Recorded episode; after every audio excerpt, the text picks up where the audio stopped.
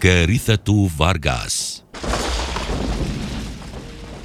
بلدات اختفت بالكامل وأكثر من عشرة بالمئة من سكان المنطقة قد لقوا حتفهم. لم يكن هذا بفعل زلزال أو بركان بل بسبب انهيار أرضي حدث على حين غرة. استطاع أن يبتلع ما ابتلعه من مبان وحجر وشجر وبشر. فما الذي حدث بالضبط؟ إنه العام 1999 وتحديدا في الرابع عشر من كانون الأول. كانت الأمطار تهطل بغزارة لا مثيل لها على طول الساحل الشمالي الفنزويلي.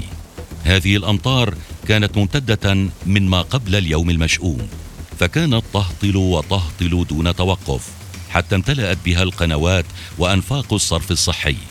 فكانت هذه المياه كلها تتدفق نحو البحر وفي طريقها كانت تجمع معها ما تستطيع جمعها من رواسب وحجارة وصخور متوسطة وكبيرة الحجم.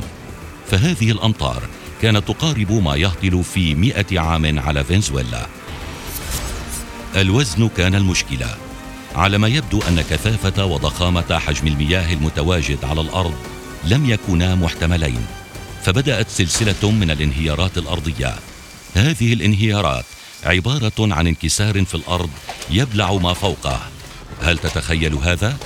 بينما أنت تشاهد الأمطار من شباك منزلك فإذا بالأرض تنشق وتبلعكما معا. هذه الانهيارات والفيضانات استمرت تقريبا لمدة أسبوعين ويمكنك تخيل ما حدث هناك أو عن كمية الخسائر التي شهدتها المنطقة.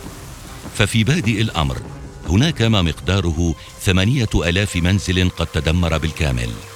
أما عن المباني فهي أكثر من سبعمائة مبنى وهذا كله حدث في ولاية فارغاس فيما اختفت بعض البلدات والتجمعات الصغيرة مثل بلدتي سيرو جراندي وكارمن دي أوريا. حي لوس كولاريس المشهور في تلك المنطقة كان يقبع تحت الأرض بثلاثة أمتار مغمورا بالطين. لك أن تتخيل صعوبة تحديد عدد الضحايا بأكمله.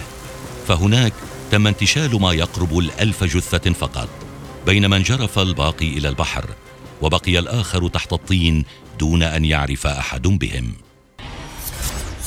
مجموع ما حصل تقريبا هو ثلاثون ألف ضحية بين مفقود ومتوفي. وتشرد قرابة الخمسة وسبعين ألف شخص وبالطبع لا كهرباء ولا ماء ولا نقل. هذه الكارثة جعلت من القصر الرئاسي الفنزويلي مكانا لتجمع الذين أجلوا من الكارثة في سابقة هي الأولى من نوعها. وهذه الأزمة جعلت من الفوضى في المنطقة حالة سائدة فجعلت الدولة تفرض حكما عسكريا استمر مدة عام كامل. آلاف من المشردين بلا مأوى وانهيار في أسعار العقارات. كانت كارثة جمعت في جميع جهاتها صعود الدولة كافة.